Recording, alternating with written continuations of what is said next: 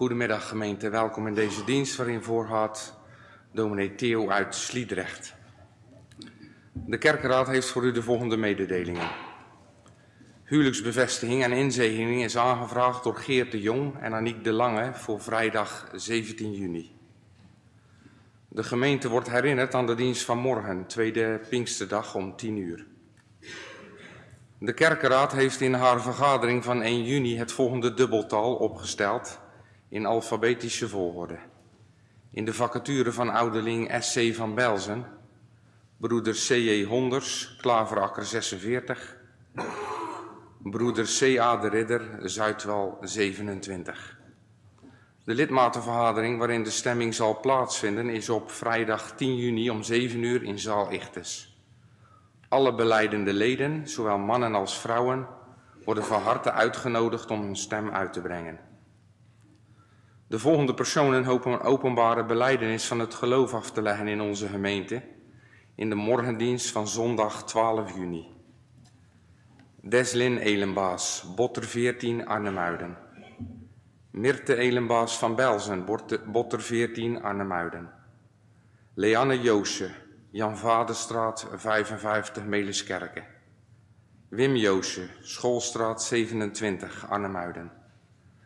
Marijn Midavene, Akkerlaan 57, Arnhemuiden. Annelisa Midavene Vierloos, Akkerlaan 57, Arnhemuiden. Jorina Rotier, Kerklaan 1 in Vlissingen. Ramon Tevel, Tarveakker 4 in Arnhemuiden. En Corné Verlare, Zuilenburg 48 in Vlissingen. Deze namen staan ook vermeld op de weekbrief. De aannemingsavond is vrijdag 10 juni. In tegenstelling tot wat in de kerkbode staat vermeld, zal de middagdienst van zondag 12 juni het voorbereiding zijn op de bediening van het heilige avondmaal. In deze dienst gaat voor dominee Klaassen in plaats van dominee van de Kraan. Bij de uitgang van de kerk ligt er een waarheidsvriend om mee te nemen. Deze staat in het teken van Pinksteren. Voor alle toekomstige geldt, zo de Heere wil en wij leven. In de dienst van de offeranden worden nu gaven gevraagd. De eerste collecte is bestemd voor de GZB Pinkster Zendingscollecte. De tweede collecte is bestemd voor gemeenteopbouw. En de derde collecte is bestemd voor de kerk. Wij bevelen deze collecte van harte bij u aan. De schriftlezing straks is nummer 11 vanaf vers 16 tot en met 30. De kerkenraad wenst u een gezegende dienst. Laten we vooraf de voorzang zingen, Psalm 19, vers 1 en 5.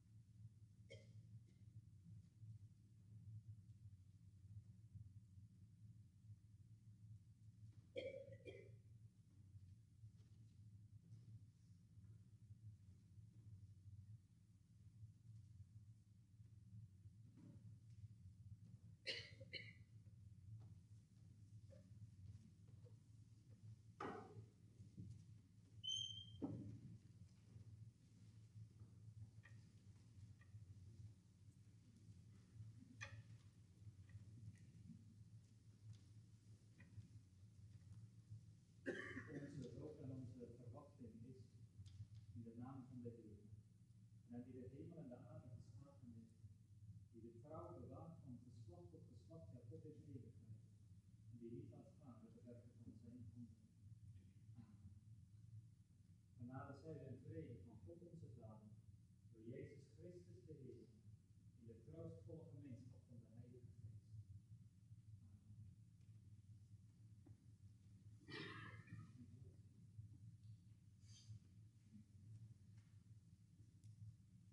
Beter? Ja.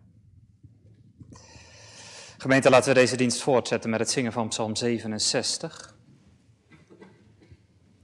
Psalm 67, zo'n lied over Pinkster. Het eerste vers zingen we. Het heil is niet alleen voor Israël en druppelsgewijs voor de volkeren, maar de algoede God zij ons genadig. Hij zegene ons met overvloed, zodat zelfs de blindste heiden, nu van God gescheiden, eens uw heil erken. Het eerste vers van Psalm 67.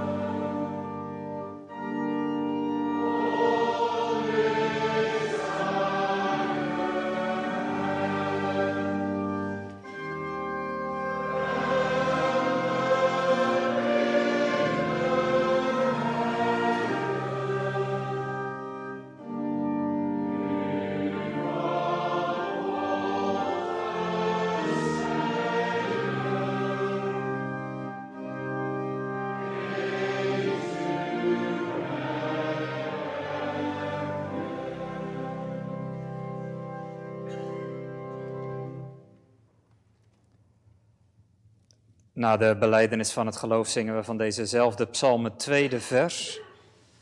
Over God die de volkeren op deze aarde in zijn arm vergaarde. Psalm 67, het tweede vers na de beleidenis van het geloof. Ik geloof in God de Vader, de Almachtige Schepper des hemels en der aarde.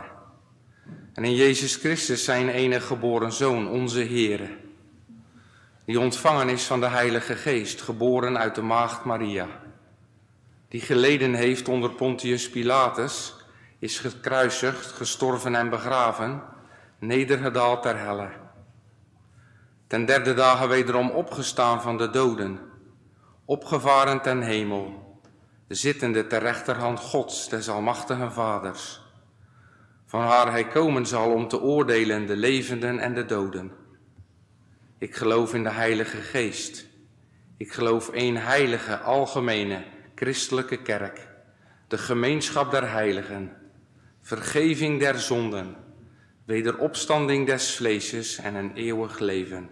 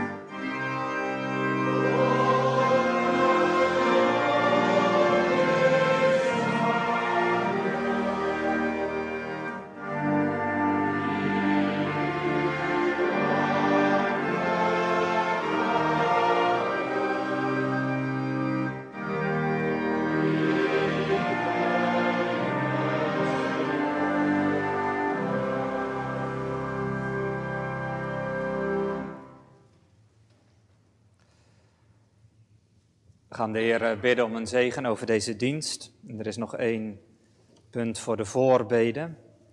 Ouderling Meerman is vanmorgen opgenomen in het ziekenhuis en wordt vanmiddag geopereerd. Zullen we samen bidden.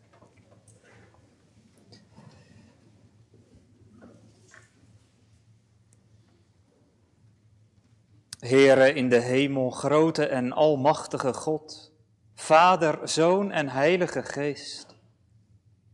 Zo mogen we in het bijzonder wel aanspreken deze middag. Aanbidden deze middag. U bent Vader, u bent Zoon, u bent Heilige Geest. U bent als Vader de schepper van de hemel en de aarde. De schepper van ieder mensenleven, de schepper van ons allemaal, stuk voor stuk. U bent de Zoon die naar deze wereld bent toegekomen om de vloek van de zonde op u te nemen, de toren van de Vader te stillen, om de weg van de verzoening te bereiden, om de poort naar de hemel te kunnen openen. En op deze Pinksterdag mogen we zeggen, u bent ook de Heilige Geest, die in harten en levens van zondaren en zondaressen wilt werken, wilt bekeren, wilt vernieuwen Vader, Zoon en Heilige Geest, u roepen wij aan op deze dag. En wij danken u dat deze Pinksterdag er getuige van mag zijn, dat het inderdaad waar is. Wat Israël al die eeuwen door zong. Dat het hel niet blijft bij dat volk Israël alleen. Maar dat er een dag komt dat de geest wordt uitgestort op alle vlees. Dat het evangelie de wereld in moet. En zo is het gekomen tot ons land toe.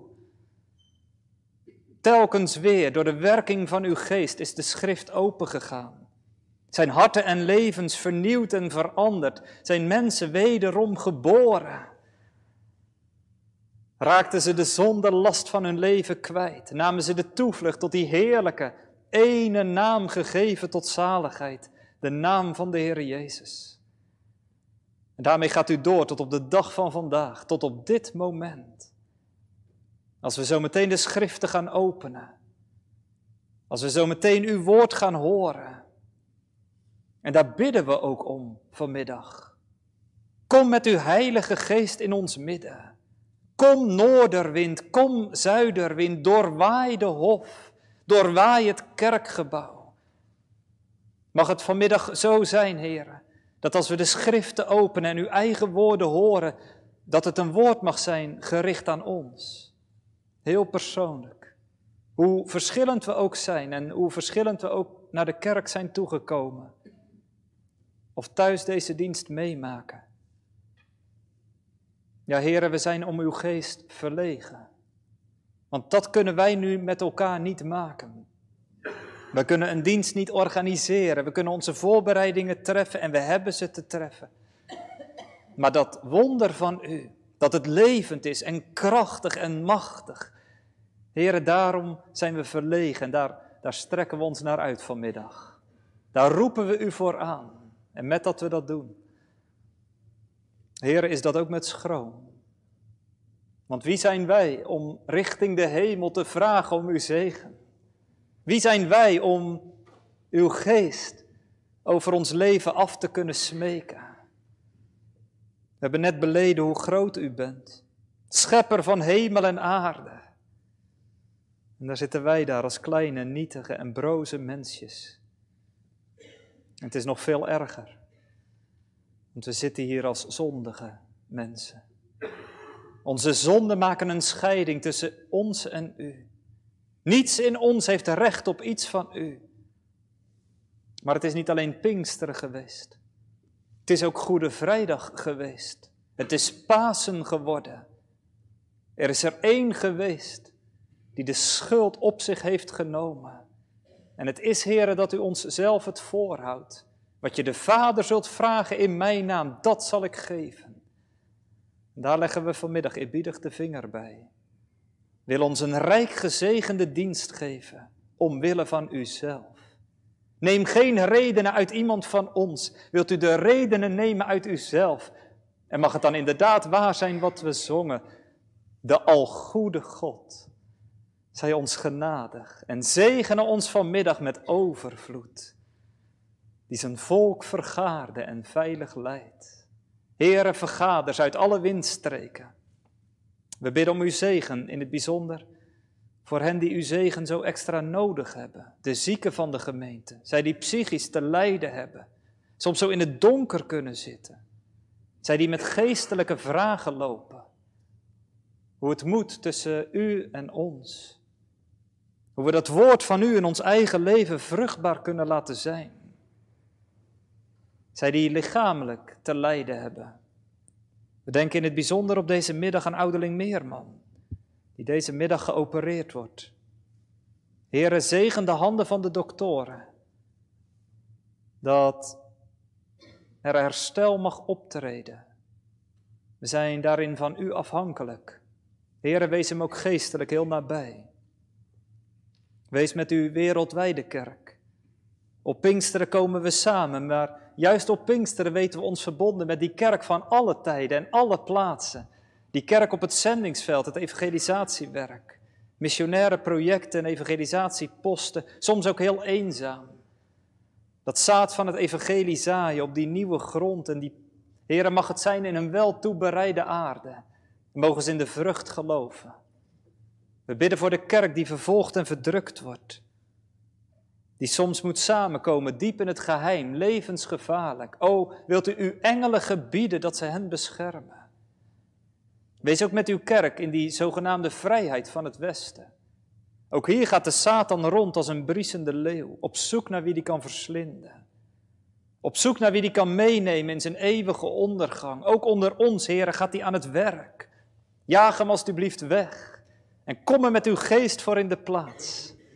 Breid uw koninkrijk uit. Trek overal op aarde en ook hier in Arnhemuiden. Zondaren uit het duister tot het licht van het evangelie. Tot verheerlijking van uw grote naam. Tot uitbreiding van uw koninkrijk. Tot zaligheid van zielen. Ja, zo zitten we hier. Heel verschillend. En ergens toch ook weer niet. Verlegen om u. Wilt u mij helpen om uw woorden in alle liefde en in alle eerlijkheid neer te leggen in het midden van de gemeente? Raak mijn mond aan met een gloeiende kool van het altaar. Wil de gemeente opbouwen en brengen. daar waar u de gemeente wil hebben. En zegen ons met overvloed.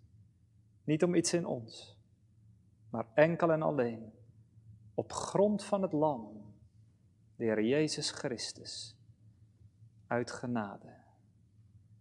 Amen.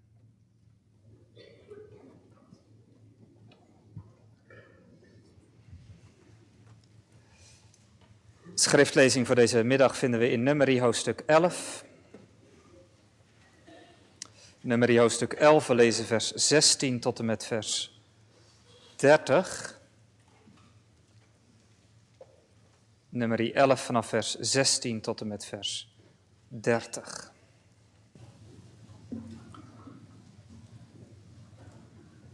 En de Heere zeide tot Mozes, Verzamel mij zeventig mannen uit de oudsten van Israël, de welke gij weet dat zij de oudsten des volks en deszelfs ambtslieden zijn. En gij zult hen samenbrengen voor de tent der samenkomst, en zij zullen zich daar bij u stellen. Zo zal ik afkomen en met u aldaar spreken, en van de geest die op u is, zal ik afzonderen en op hen leggen en zij zullen met u de last van dit volk dragen, opdat gij die alleen niet draagt. En tot het volk zult gij zeggen, heil u tegen morgen en gij zult vlees eten. Want gij hebt voor de oren des Heren geweend, zeggende, wie zal ons vlees te eten geven? Want dat ging ons wel in Egypte. Daarom zal de Heer u vlees geven en gij zult eten.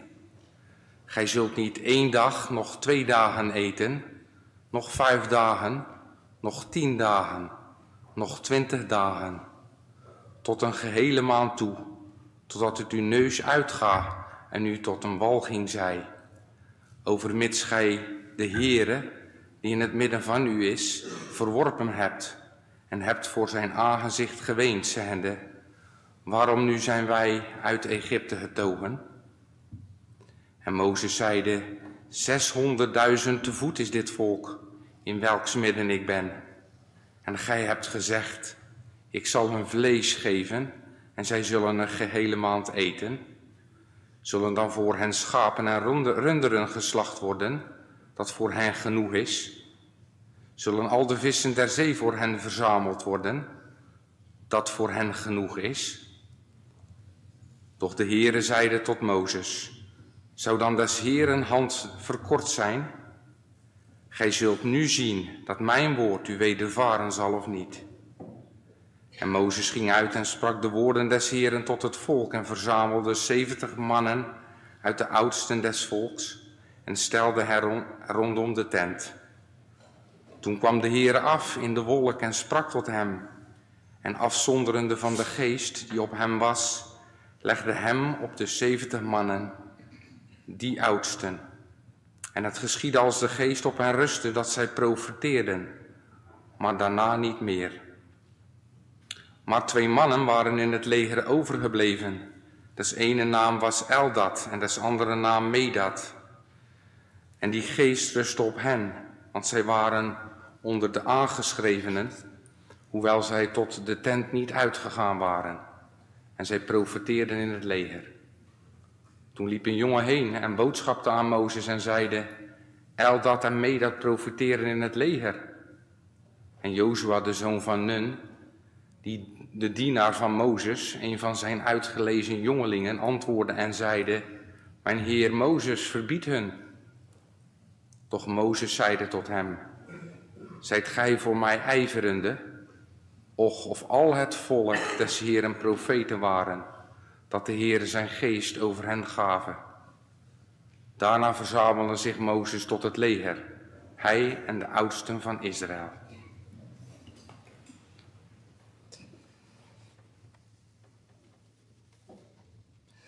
Als kerntekst voor deze middag vers 29 van hoofdstuk 11, waar Mozes uitroept, och of al het volk des Heeren profeten waren, dat de Heere zijn geest over hen gaven.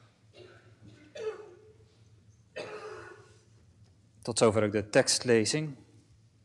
Het verlangen naar Pinksteren van Mozes hier in de woestijn. En je zou het wel kunnen noemen een klein Pinksteren in de woestijn. Goed, voordat we daar verder naar gaan luisteren, gaan we eerst nog zingen. Dat doen we met een psalm die ook uitziet naar de komst van de Heilige Geest, Psalm 143. We zingen vers 8, 9 en 10. Laat mij uw dierbare goedheid prijzen wanneer ik het morgenlicht zie reizen. Mijn ziel heeft zich tot u gewend. Het negende vers, o Heere, mijn toevlucht. Hoor mijn klagen, verlos mij uit des vijands lagen. Ik schuil bij u, mijn God, alleen. En ook het tiende vers, uw goede geest, bestier mijn schreden. 8, 9 en 10 van Psalm 143.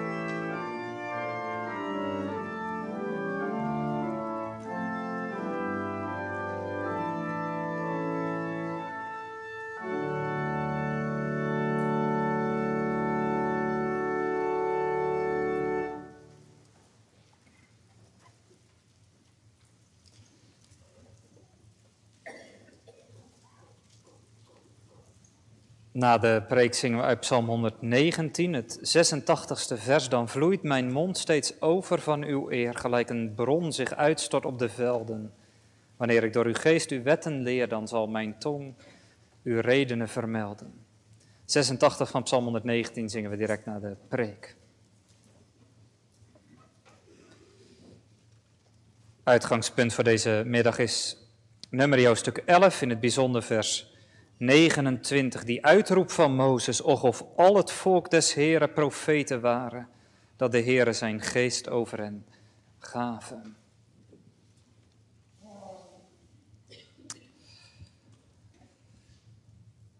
Ja, gemeente, kinderen in de kerk, ik begin even met jullie. Het is hier een eindje vandaan, maar ben je wel eens in Lelystad geweest?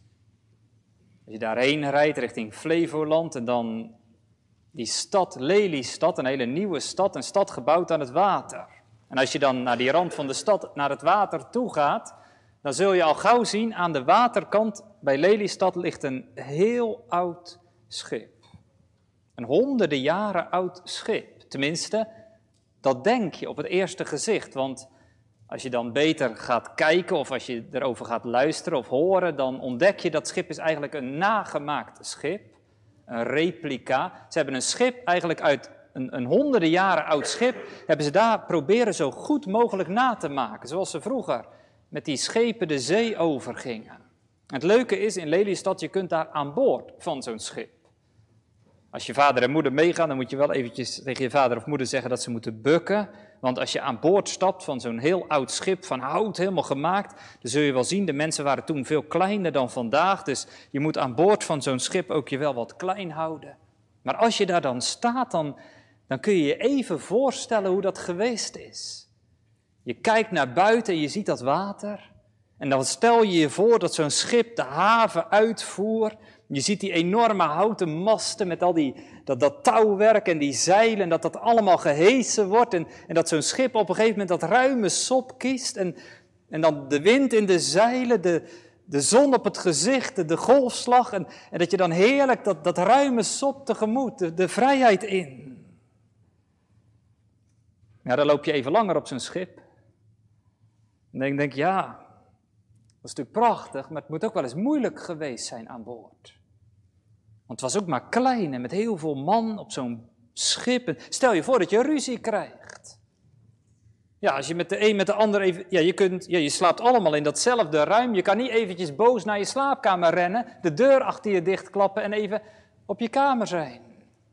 Nee, je zit allemaal in dat ene ruim. Of, of stel je voor dat je ja, last krijgt van, van die golfslag, dat je zeeziek wordt. Of dat het gaat waaien, gaat stormen. Zo hard gaat waaien dat, dat je dat houtwerk hoort kraken. Dat je de, de, de zeilen klapperen en je, je voelt aan alles, dit, dit kan wel eens gevaarlijk worden. Alles piept en houten masten, dat, dat je bang wordt. Dat het niet altijd makkelijk was aan boord. En toch, weet je wat ik hoorde? Het moeilijkste op zo'n schip was niet dat je wel eens ruzie kon krijgen en dat je dan nergens heen kon. Het was ook niet dat je last kreeg van zeeziekte of van die golfslag. Het was zelfs niet dat het kon gaan stormen.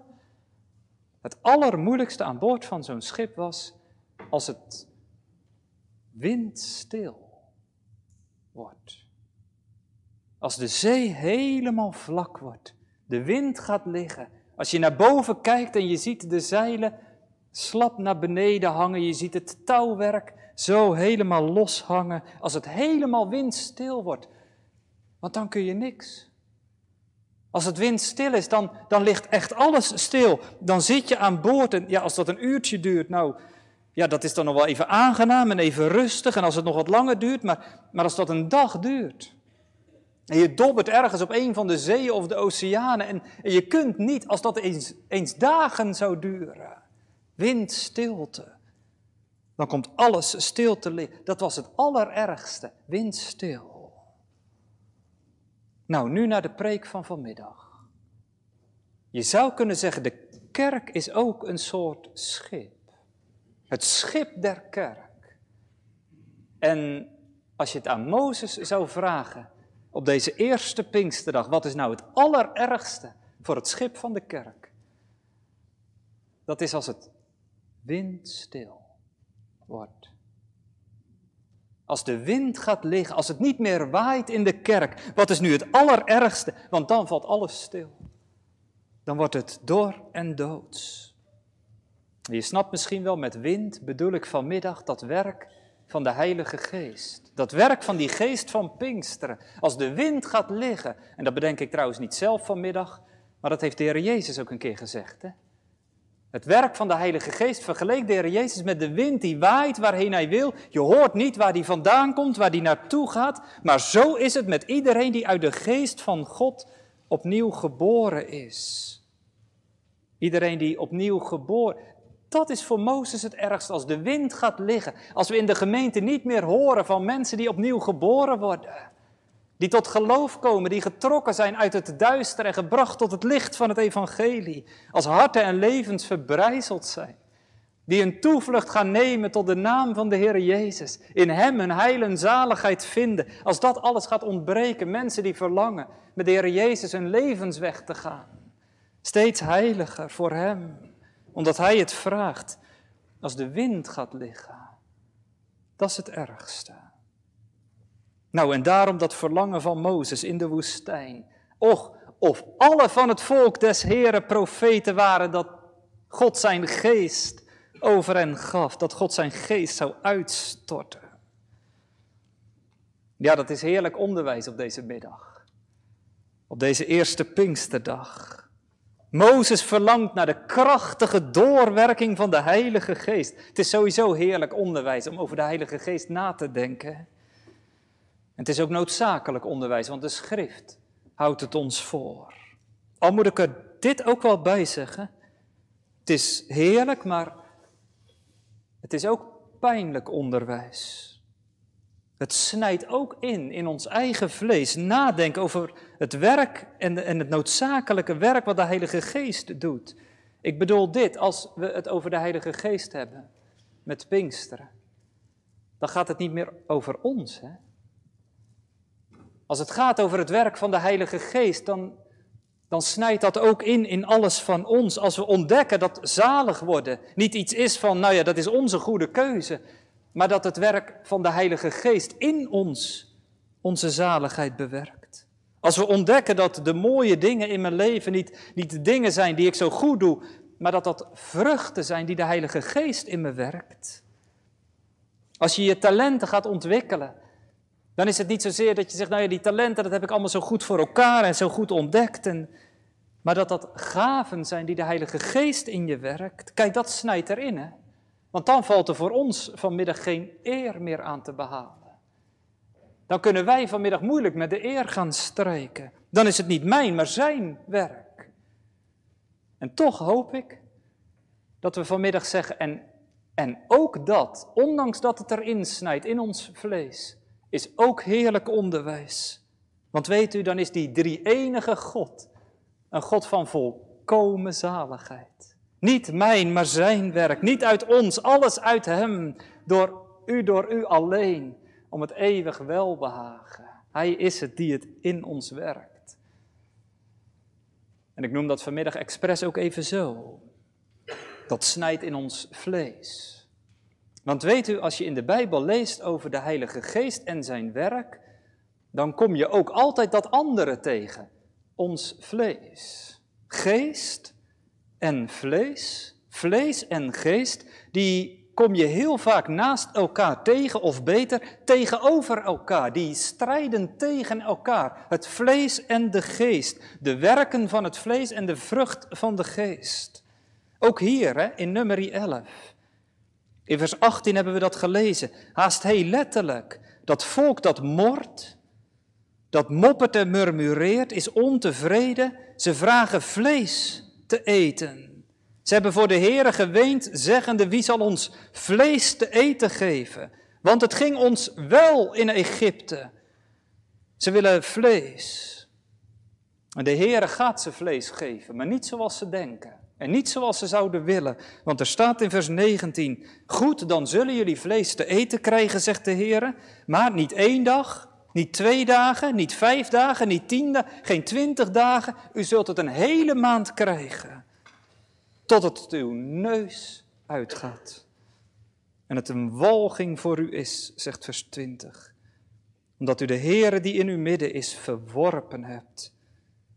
U hebt voor zijn aangezicht geweend, zeggende: Waarom zijn we uit Egypte getogen? Ze willen vlees. Ja, hoe zit dat? Gaat de Heer zijn vlees te eten geven, niet één, niet tien, zodat het hun neus uitkomt en, en het een walging voor ze wordt? Nou, laten we even iets zeggen over de omgeving. Want dit gebeurt niet op zomaar een moment, dit gebeurt op het moment dat Israël wandelt door de woestijn. Egypte ligt achter hen, Canaan ligt voor hen. En tussen die twee heidense landen, tussen Egypte en Canaan, wandelt Israël door de woestijn. Ze zijn uit Egypte getogen, maar het beloofde land, daar zijn ze nog niet. Het is beloofd land. Ze moeten er nog op weg naartoe, die tocht door de woestijn. Maar ze hebben wel al op indrukwekkende wijze gezien de machtige daden van de Heer, uitgeleid uit Egypte, door de Rode Zee, verlost van die machtige hand van de farao. Even tussen haakjes, dat heerlijke, geweldige afbeelding van wat er met Goede Vrijdag en Pasen is gebeurd. Hè? Hoe God zijn volk gaat uitleiden door de Rode Zee. Verlost uit de macht van de farao, de macht van zonde, duivel, dood en hel. En hij ze door de woestijn van het leven brengt. Pasen, Goede Vrijdag, het ligt achter hen. Ze zijn verlost uit het land van de zonde en de dood door het bloed van de Heer Jezus. Mag ik misschien wel even de vinger bijleggen deze eerste Pinksterdag? Ligt Pasen, ligt Goede Vrijdag achter u? Ik bedoel, in die zin leeft u uit Goede Vrijdag en Pasen op deze Pinksterdag. Kun je erover meepraten, verlost te zijn uit dat land van Egypte? Eens was ik een vreemdeling voor God in mijn hart. Ik kende geen schuld, ik gevoelde geen smart. Ik vroeg niet, mijn zielen, doorzie gij uw lot, hoe zult ge rechtvaardig verschijnen voor God? Maar toen mij Gods geest aan mijzelf had ontdekt, toen werd zelfs al die deugd van mij een wegwerpelijk kleed. Toen vluchtte ik tot Jezus. Hij heeft mij gered. Ik boog me, ik geloofde. En mijn God sprak mij vrij. Dat is leven uit Goede Vrijdag en Pasen. Zo, zo loopt dat volk Israël door de woestijn. Nou ja, wat verwacht je dan? Ja, die lopen daar vol dankbaarheid. Dat dat volk is één brok dankbaarheid zoals ze op weg zijn. En ze hebben het er met elkaar nog over. De, de grote daden van de Heer in gedachten. Op weg naar het land van de belofte. Dat land dat overvloeit van melk en honing. Ze lopen daar haast huppelend vol dankbaarheid door de woestijnvlakte. Ja, dat zou je denken. Maar dat valt tegen. Die hele reis komen we dat volk tegen, mopperend en murmurerend, ontevreden en ondankbaar. Later moet de Heer er een keer van zeggen, over die woestijnreis, ik heb aan dit volk, dat mij vergat, een lange tijd verdriet gehad. Ik heb veertig jaar hun hoon verdragen. Ik zei, dit volk dat steeds mij zat, het heeft een verdwaasd en dwalend hart, het schept in mijn wegen geen behagen. Zo, zo ook nu, hè. Ze lopen door de woestijn, we hebben dat met elkaar niet gelezen, maar, maar in vers 4 van hoofdstuk 11 lezen wij het gemene volk dat in het midden van hen was, werd met lust bevangen. En daarom weenden ook de kinderen van Israël en ze zeiden, wie zal ons vlees te eten geven? Elke dag dat manna, wij willen vlees. Zo lopen ze door de woestijn. Wij willen vlees. Ik moet het wel nauwkeurig zeggen, want het begint niet bij de Israëlieten zelf, deze oproer. Er staat in vers 4, het gemene volk dat in het midden van hen was, werd met lust bevangen. Dat, is, ja, dat zijn vreemdelingen die zich blijkbaar bij Israël gevoegd hebben. Israël loopt door de woestijn en blijkbaar lopen er in die wildernis ook allerlei andere verstrooiden rond van huis en haard op de een of andere manier losgeraakt, verdreven, misschien op de vlucht. Hebben ze een schuld, hebben ze In ieder geval, ze lopen los door de woestijn en ze hebben gehoord van dat volk dat op weg is naar het land Canaan. En ze zijn zich gaan voegen bij dat volk Israël. En zo lopen ze een tijdje mee met Israël en daar begint het gemopper. Ze werden met lust bevangen en ze weenden, ze jammerden. Wie zal ons vlees te eten geven? Zij beginnen te klagen. Die zich daarbij voegen. Eten jullie elke dag manna? Word je dat nou nog niet zat?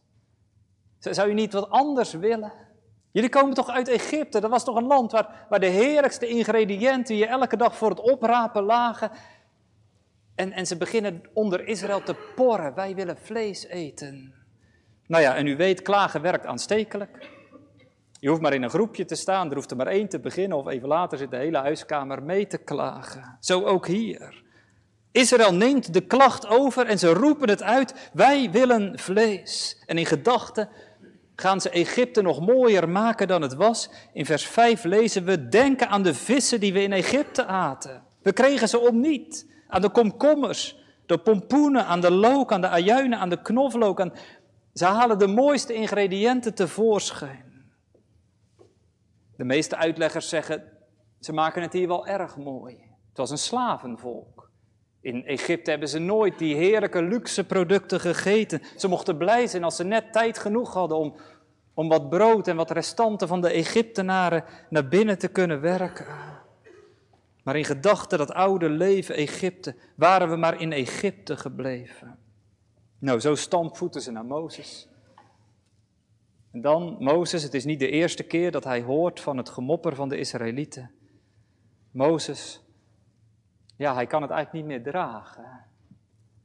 Hij ziet die Israëlieten komen en hij zegt in vers 14 tegen de Heer, ik alleen kan dit volk niet dragen, het is voor mij te zwaar.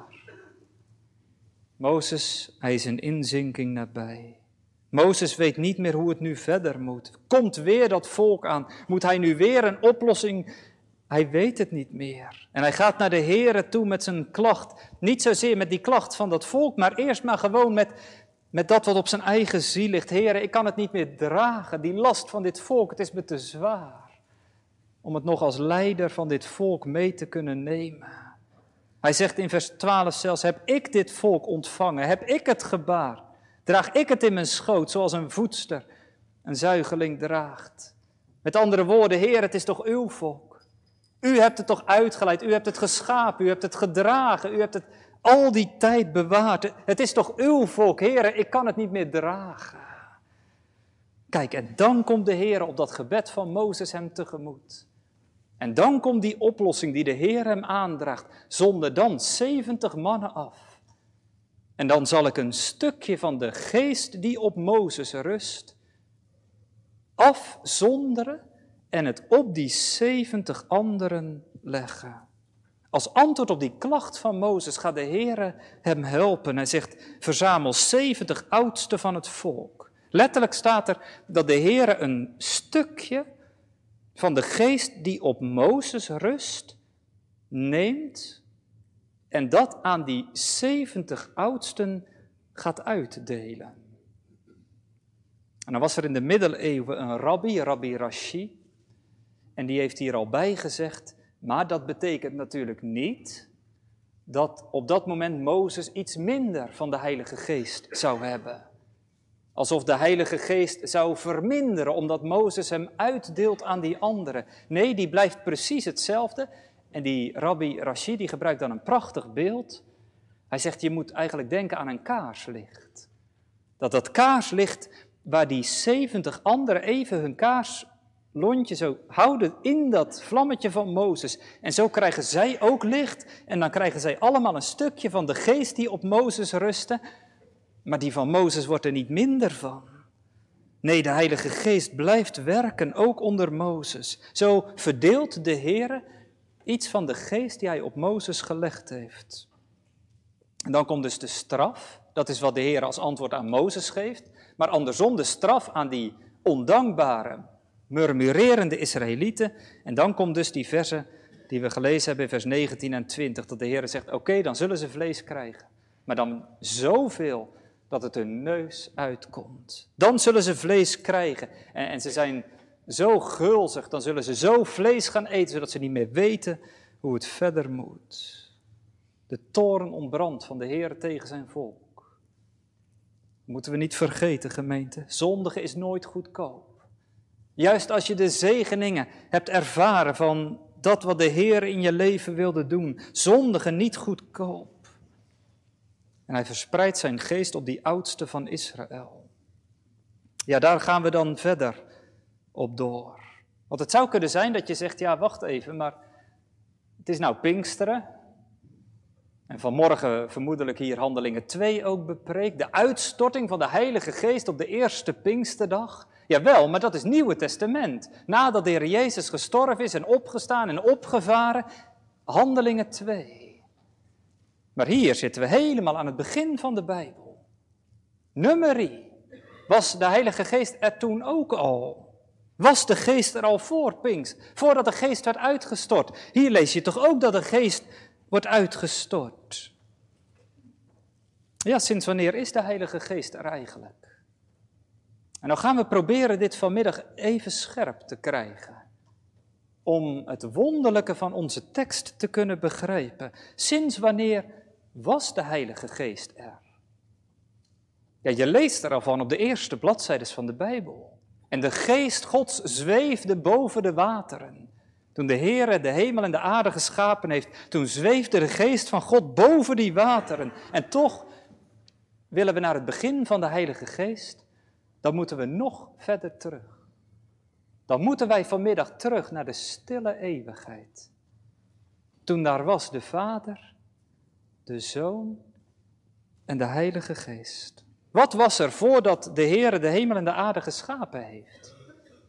Ja, niets. Ja, toch wel. God was er. God drie-enig. Hij is van eeuwigheid tot eeuwigheid. Kijk, wij mensen, wij worden geschapen op een moment. En wij mensen, we zijn geschapen met het oog op de eeuwigheid. Ieder mens gaat zijn eeuwige bestemming tegemoet. Of hemel of hel. Maar wij hebben een begin. Van de Heere kan gezegd worden, hij is zonder begin en zonder eind, van eeuwigheid tot eeuwigheid. Dus toen de Heer Jezus werd geboren in Bethlehem stal, toen werd hij wel op aarde geboren in de gedaante van een mens, maar de Heer Jezus was er altijd al. Geboren uit de Vader voor alle eeuwen, beleiden wij. En als de Heilige Geest wordt uitgestort op de eerste Pinksterdag, ja, toen was de Heilige Geest niet dat hij er vanaf dat moment pas was. Hij was er altijd al, uitgegaan van de Vader en de Zoon in de eeuwigheid. Samen met de Vader aangebeden en verheerlijkt, gesproken door de profeten. Dus de Heilige Geest was er altijd al, maar op de Pinksterdag wordt hij uitgestort.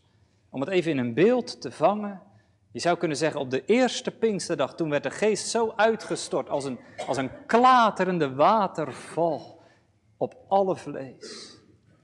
En in het Oude Testament druppelsgewijs. En dan wel zo dat de Heilige Geest werd gegeven aan de ambtsdragers, die gezalfd door de Heilige Geest zo het volk moesten voorgaan in het dienen van de Heer.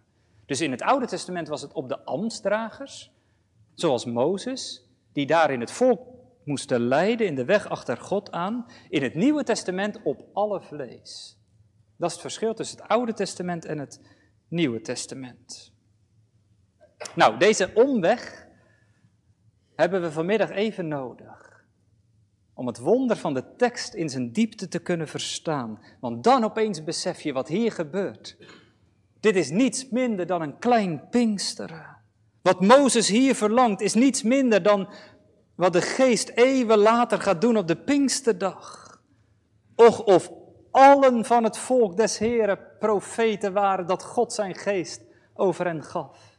Alsof Mozes al even in gedachten heel ver weg is. In die tijd van dat Oude Testament, de Heilige Geest wordt uitgestort op, op Mozes. En nu verspreidt zich dat op die 70. Maar Mozes verlangt nog veel meer. Hij zegt, och of allen van het volk. Niet alleen ik, niet alleen die 70, maar iedereen, alle vlees. Dat God zijn geest over hen gaf. Niet alleen Mozes, maar dan die 70. Ja, want zo gaat dat hier. Mozes die zondert de 70 oudsten af. En ze gaan naar de tent der samenkomst. Dat is niet de tabernakel, maar die andere tent der samenkomst die buiten het legerkamp van Israël stond.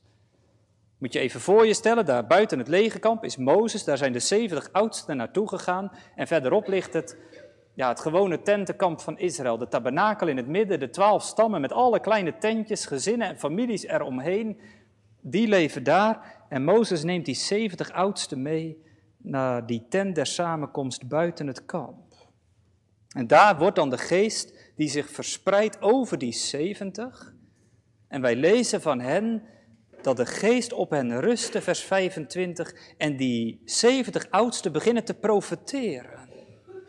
Maar daarna niet meer. Een korte tijd beginnen ze te profeteren. Wat is dat, profeteren? Ja, wat doet een profeet? Een profeet spreekt de woorden van God voor iemand. Die heeft een woord van de Heer voor deze of gene, voor een volk, voor een koning. Die moet mensen gaan vertellen wat de Heer ervan vindt. Die doorziet de tijd en die licht die tijd door tot op God. Die moet woorden van God spreken. Zo liepen de profeten in het oude Israël. Nou denk ik niet dat dat hier deze vorm van profeteren was. Zoals de profeten hun preken hielden in het paleis en op het tempelcomplex dat de oudsten hier op deze wijze met elkaar soort ja, preken, profetieën zijn gaan uitspreken. Het zou wel kunnen hoor, dat ze woorden tot elkaar spraken en dat ze elkaar bemoedigden en versterkten. Maar we krijgen hier meer de indruk dat het een soort ja, uitbundige lofprijzing is. Dat ze aangeraakt zijn door de Heilige Geest en dat ze de Heer de eer toebrengen voor wat hier gebeurt. Dat, dat het huis van vreugde druisen zo. Vol van de Heilige Geest, vervuld van de aanwezigheid en de heerlijkheid van de Heer. Nu, zo staat er, ze profeteren en daarna niet meer. We lezen dat ook van Saul, als hij aan het begin van zijn koningschap is. Dan is Saul nog op de goede weg, uh, is hij nog in alle bescheidenheid en dan begint hij zijn koningschap en dan lezen wij en Saul profeteerde. Aan het begin van zijn koningschap. Het zal ook wel iets zijn waarmee de Heer wil benadrukken en wil bevestigen, ik heb jou in mijn dienst uitgekozen en afgezonderd. Zo zijn die 70 oudsten aan het profeteren. Maar kinderen in de kerk, nou moeten we toch eens goed gaan kijken naar die 70 oudsten. Kijk je even mee? Daar staan ze bij die tent der samenkomst. Mozes in het midden, daaromheen die 70 mannen die aan het profeteren zijn. Hé, hey, zullen we ze eens gaan tellen vanmiddag? Hoeveel het er zijn? Het is natuurlijk niet een beetje moeilijk, want ze lopen wat door elkaar heen. Maar laten we toch eens een poging doen om die 70 te gaan tellen. Nou, daar gaan we. 1, 2, 3. We maken er groepjes van. Hé, hey, zie ik dat goed? Ik tel er 68. Nou, nog eens proberen. En jou, inderdaad, 68. Jij ook, ja, ik ook. Er missen er twee. Daar zijn er 70 oudsten aangewezen, maar, maar we missen twee mannen. Nou, dat vertelt vers 26, dat klopt. Twee mannen waren in het leger overgebleven. Twee mannen met een prachtige naam. Eldat heet de ene, Medat de andere. Eldat God heeft lief. Medat de geliefde. Maar ondanks hun prachtige namen, ze zijn er niet bij. Daar, bij die tent der samenkomst. Ze lopen nog gewoon in dat, dat legerkamp van Israël rond. Waarom zijn ze niet gekomen? Zijn ze niet uitgenodigd? Ja, we denken van wel, want vers 26 vertelt tussen haakjes, ze waren onder de aangeschrevenen, hoewel zij hun tent niet uitgegaan waren. Ze hebben blijkbaar die oudsten een schriftelijke uitnodiging gehad om naar Mozes toe te komen en zij behoorden tot die aangeschreven. Hadden ze een goede reden om niet te komen? Waren ze het gewoon helemaal vergeten? Hoe het ook zij, ze zijn er niet bij. En dan? Terwijl die Heilige Geest wordt uitgestort op die 68. En terwijl Eldat en Medat misschien wel helemaal onbewust, niets vermoedend, gewoon tussen de andere tenten in het legerkamp rondlopen. Op datzelfde moment dat de Heilige Geest daar wordt uitgestort, worden ook Eldad en Medad in het tentenkamp aangeraakt door de Heilige Geest. Op hetzelfde moment wordt de Geest ook daar uitgestort. En te midden van de andere tenten beginnen ze te profeteren. Beginnen ze daar, te midden van de tenten. En verwarring alom natuurlijk. Mensen kijken elkaar, beroering in het legerkamp. Mensen komen uit hun tentjes, wat gebeurt hier? Eldad, Medad, wat, wat doen jullie? Ze zijn aan het profeteren. En dan lezen we al gauw dat dat ook bij de anderen een soort beweging op gang brengt. Want we lezen dat er een, eh, een jonge man, een uitgelezen jongeling, die uit, misschien wel door een ander gestuurd hoor, uit dat legerkamp gaat en die rent naar Mozes toe om het aan Mozes te vertellen. Mozes, in het tentenkamp, Eldad en Medad, ze zijn ook aan het profeteren.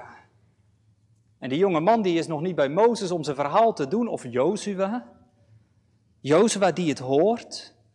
En Jozua die hier ook een van de jongelingen van Mozes wordt genoemd in vers 28. Jozua die springt naar voren en hij hoort dat verhaal van die jongen die uit het kamp komt aangerend aan. En hij springt meteen naar Mozes toe en hij zegt, uh, Mozes, verbied het hun. Eldert en Medad aan het profeteren in het kamp, dat mag niet. Mozes, verbieden, mijn heer Mozes. Opvallend trouwens, dat het twee keer een jongere zijn die het verbieden. Vers 27 spreekt van een jongen. In vers 28 wordt Jozua een jongeling genoemd. Wat dat betreft gaat de schrift soms ook wel eens wat in tegen die wat clichébeelden van ons. Wij zouden misschien zeggen, nou ja, de ouderen, die zullen wel zuinig kijken en denken, nou ja, klopt dit wel? En, en de jongeren, die zullen wel allemaal enthousiast zijn. Maar nee, het zijn juist de jongeren die hier naar voren stappen en zegt, Mozes belet het hun. Mozes verbiedt hun. Dit mag zo niet. Wat dat betreft gaat het in de Bijbel soms helemaal andersom. En blijken juist soms de ouderen in hun grijsheid, met levenservaring en een bepaalde mildheid. En, en jongeren soms veel te zwart-wit al denk ik wel dat het goed bedoeld is hoor, hier van Jozua. Daar, daar niet over. Kijk, Jozua is begaan met, met Mozes. Hij hield van Mozes. En het gaat hier natuurlijk over leiderschap. Het zal toch niet zo zijn dat er weer iemand aan, aan de poten van de stoel van Mozes begint te zagen. Kijk, Mozes die heeft gevraagd om versterking, dat heeft hij voor de Heeren neergelegd. En nu wordt de Heilige Geest uitgestort, daar bij dat, die tent der samenkomst. Maar denkt Jozua, het moet nou niet zo zijn dat ze in dat tentenkamp van Israël ook denken dat ze zichzelf tot leider kunnen uitroepen. Dat ze zelf zo een soort oudste kunnen worden. Ja, dan krijg je een ongeordende chaos. Mozes verbiedt hun. Het zou ook iets kunnen zijn, en daar voel je wel met Jozua mee. Dat Jozua denkt, ja, het moet ook geen eigenwillige godsdienst gaan worden hier. Want daar had Israël ook ervaring mee. Wie denkt niet aan die geschiedenis van het gouden kalf en hoe dat is afgelopen? Het kan toch niet zo zijn dat, ja, als hier de Heilige Geest wordt uitgestort, dat zij denken dat dat daar ook maar, en dat ze op eigen houtje ook wat in elkaar zetten en dat mag toch niet? Hadden ze maar bij de tender samenkomst moeten zijn. Hier, dat gaat niet. En daarom Jozua in alle oprechtheid verontrust, bezorgd, bevreesd. Hij springt naar voren, Mozes, verbieden. Ja, en dan die oude Mozes. Die oude Mozes, hij reageert niet angstig, niet bevreesd, niet verschrikt. Haast het tegenovergestelde. Hij hoort die jongen praten en opeens verblijd, hoopvol, verwachtingsvol, in zijn spontaniteit haast roept hij uit wat er in zijn hart leeft. Och, of alle van het volk des Heren profeten waren dat God zijn geest over hen gaf. Jozua, niet beletten, niet tegenhouden. Laat ons verlangen naar meer. Och of allen van het volk des Heren profeten waren. Dat God zijn geest over hen gaven. Kinderen in de kerk, even naar het beeld aan het begin van de preek van dat schip. Stel je voor, windstil. Alle zeilen, alles hangt er slap bij. De zee spiegelglad. Alles ligt stil. Dan opeens begint er een zacht briesje te waaien. Beginnen de zeilen weer een klein beetje bol te staan. En je voelt het gekraak in het schip. Het komt weer in beweging. Nou, weet je wat Jozua dan zegt? Kijk uit, het begint weer te waaien. Gouden zeilen weg. En Mozes, hij voelt dat het begint te waaien en hij roept het uit. Zet alle zeilen bij. Och, of de Heere zijn geest over ons allen gaf. Och, of allen van het volk des Heeren profeten waren. Ja, dat doet je toch onwillekeurig denken aan wat de profeet Joël gezegd heeft. Het zal zijn in het laatste der dagen dat ik mijn geest zal uitstorten op alle vlees. Uw zonen en dochters zullen profeteren. De jongelingen zullen visioenen zien, ouderen dromen dromen. Het zal zo zijn dat er ieder die de naam des Heren zal aanroepen, zal zalig worden. Dat is wat de geest altijd weer doet. Hè? Die drijft heen naar die ene naam gegeven tot zaligheid. De Heer Jezus Christus. Die op Goede Vrijdag en Paasmorgen de vloek van onze zonde wilde dragen. De toren van de Vader wilde stilden. Die die hemelhoge schuld uit uw en jouw leven wilde wegnemen. Om het te kunnen roepen en ieder die de naam des Heren zal aanroepen, ook vanmiddag, hè, staat die belofte van Pinksteren vast. Iedereen die vanmiddag met de nood van zijn leven de naam van de Heer Jezus gaat aanroepen, zal zalig worden. Niet wanhoop. Niet twijfelen gemeente. Het staat er zwart op wit door de Heer zelf voorgehouden. En ieder die de naam des Heeren zal aanroepen, zal zalig worden.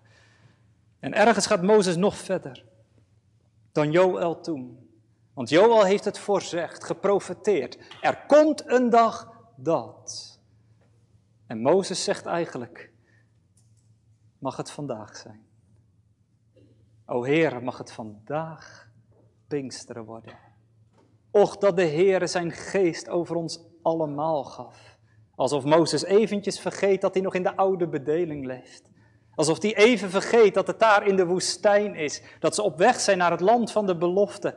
Dat de geest pas eeuwen later zal worden uitgestort. Mozes, hij verlangt midden in de woestijn. Och, of allen van het volk des Heren profeten waren. En dat de Heere zijn geest in ons... Het is een hartstochtelijk gebed. Een hartstochtelijk uitzien. Kom, helge geest, stort op ons uw vuur. Schijn in mij, schijn door mij. Kom, werk krachtig, werk machtig. Wat dat betreft is het ook een eerlijke vraag van Mozes die deze eerste Pinksterdag in ons midden neerlegt.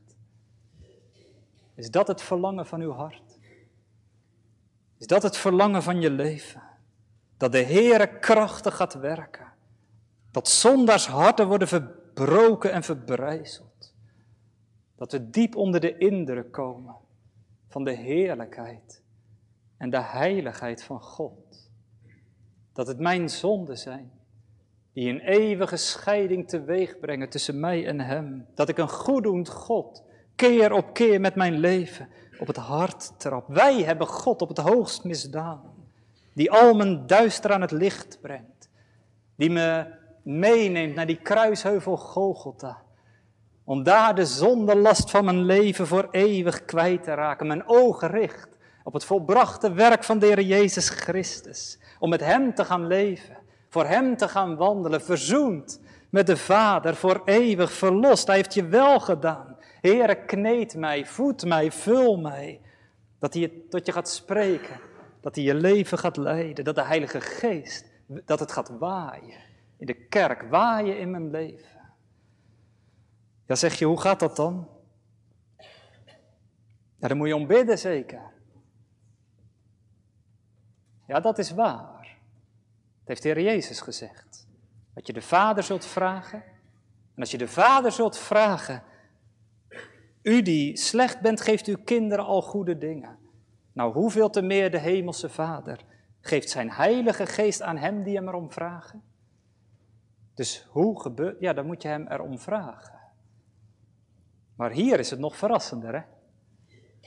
Hoe wordt die Heilige Geest hieruit? Hebben ze erom gevraagd met elkaar als Israël? Hebben ze een biddag gehouden?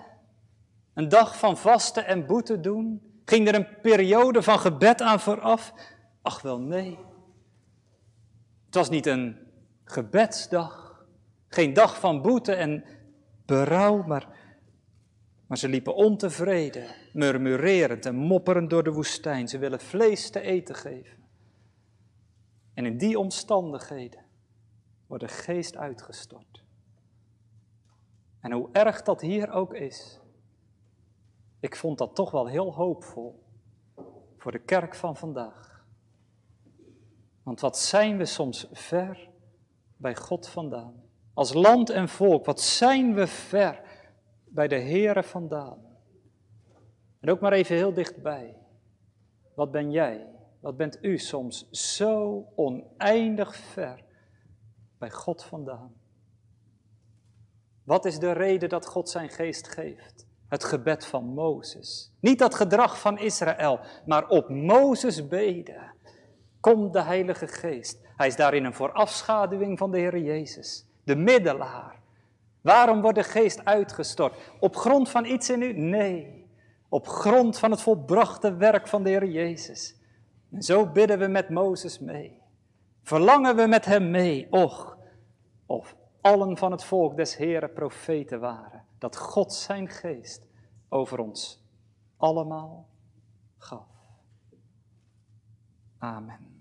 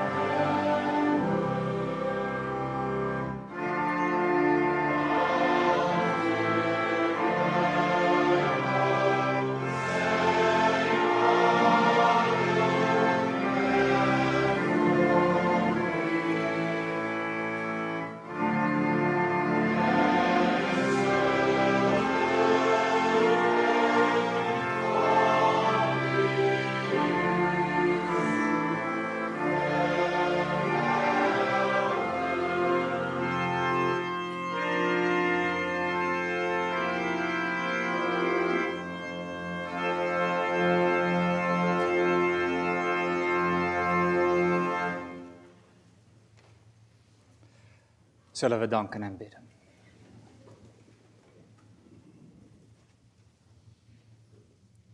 Ja, Heere in de hemel, zo danken wij U op deze zondag voor dat evangelie van Pinksteren, van morgen en vanmiddag.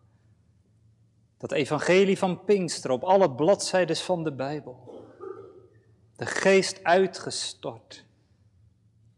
En Mozes verlangde, och, of allen van het volk des Heren profeten waren.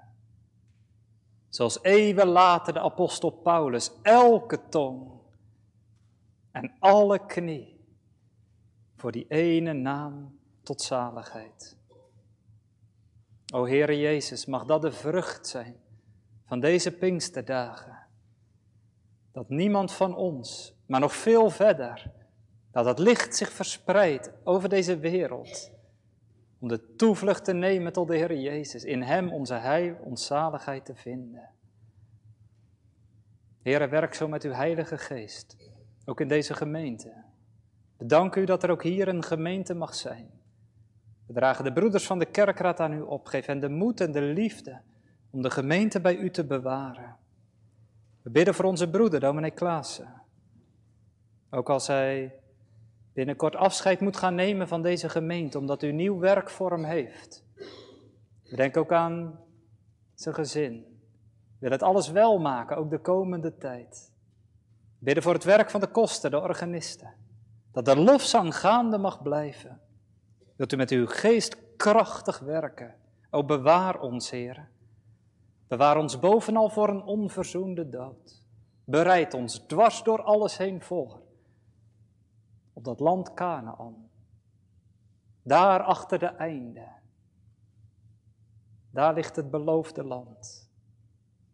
En mogen we aan boord van dat schip veilig aankomen in die havens der rust. Heere, neem ons mee, u die uw volk vergaarde en veilig leidt. Neem ons allen mee op weg daar naartoe. Kom, Heere Jezus, kom haastig. En de geest en de bruid bidden, kom. Maranatha, kom. Uit genade. Amen.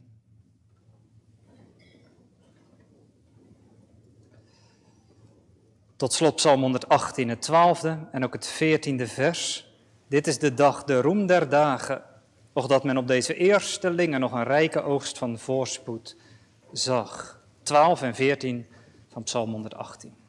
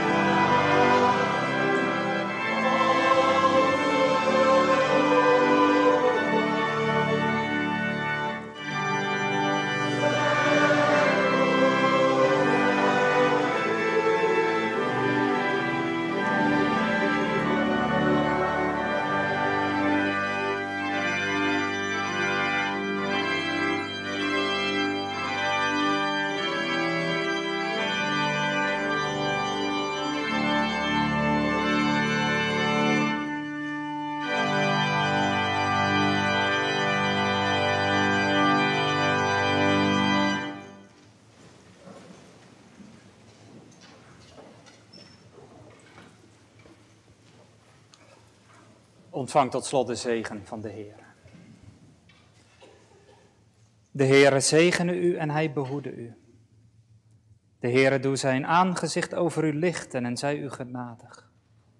De Heere verheffen zijn aangezicht over u en hij geven u vrede.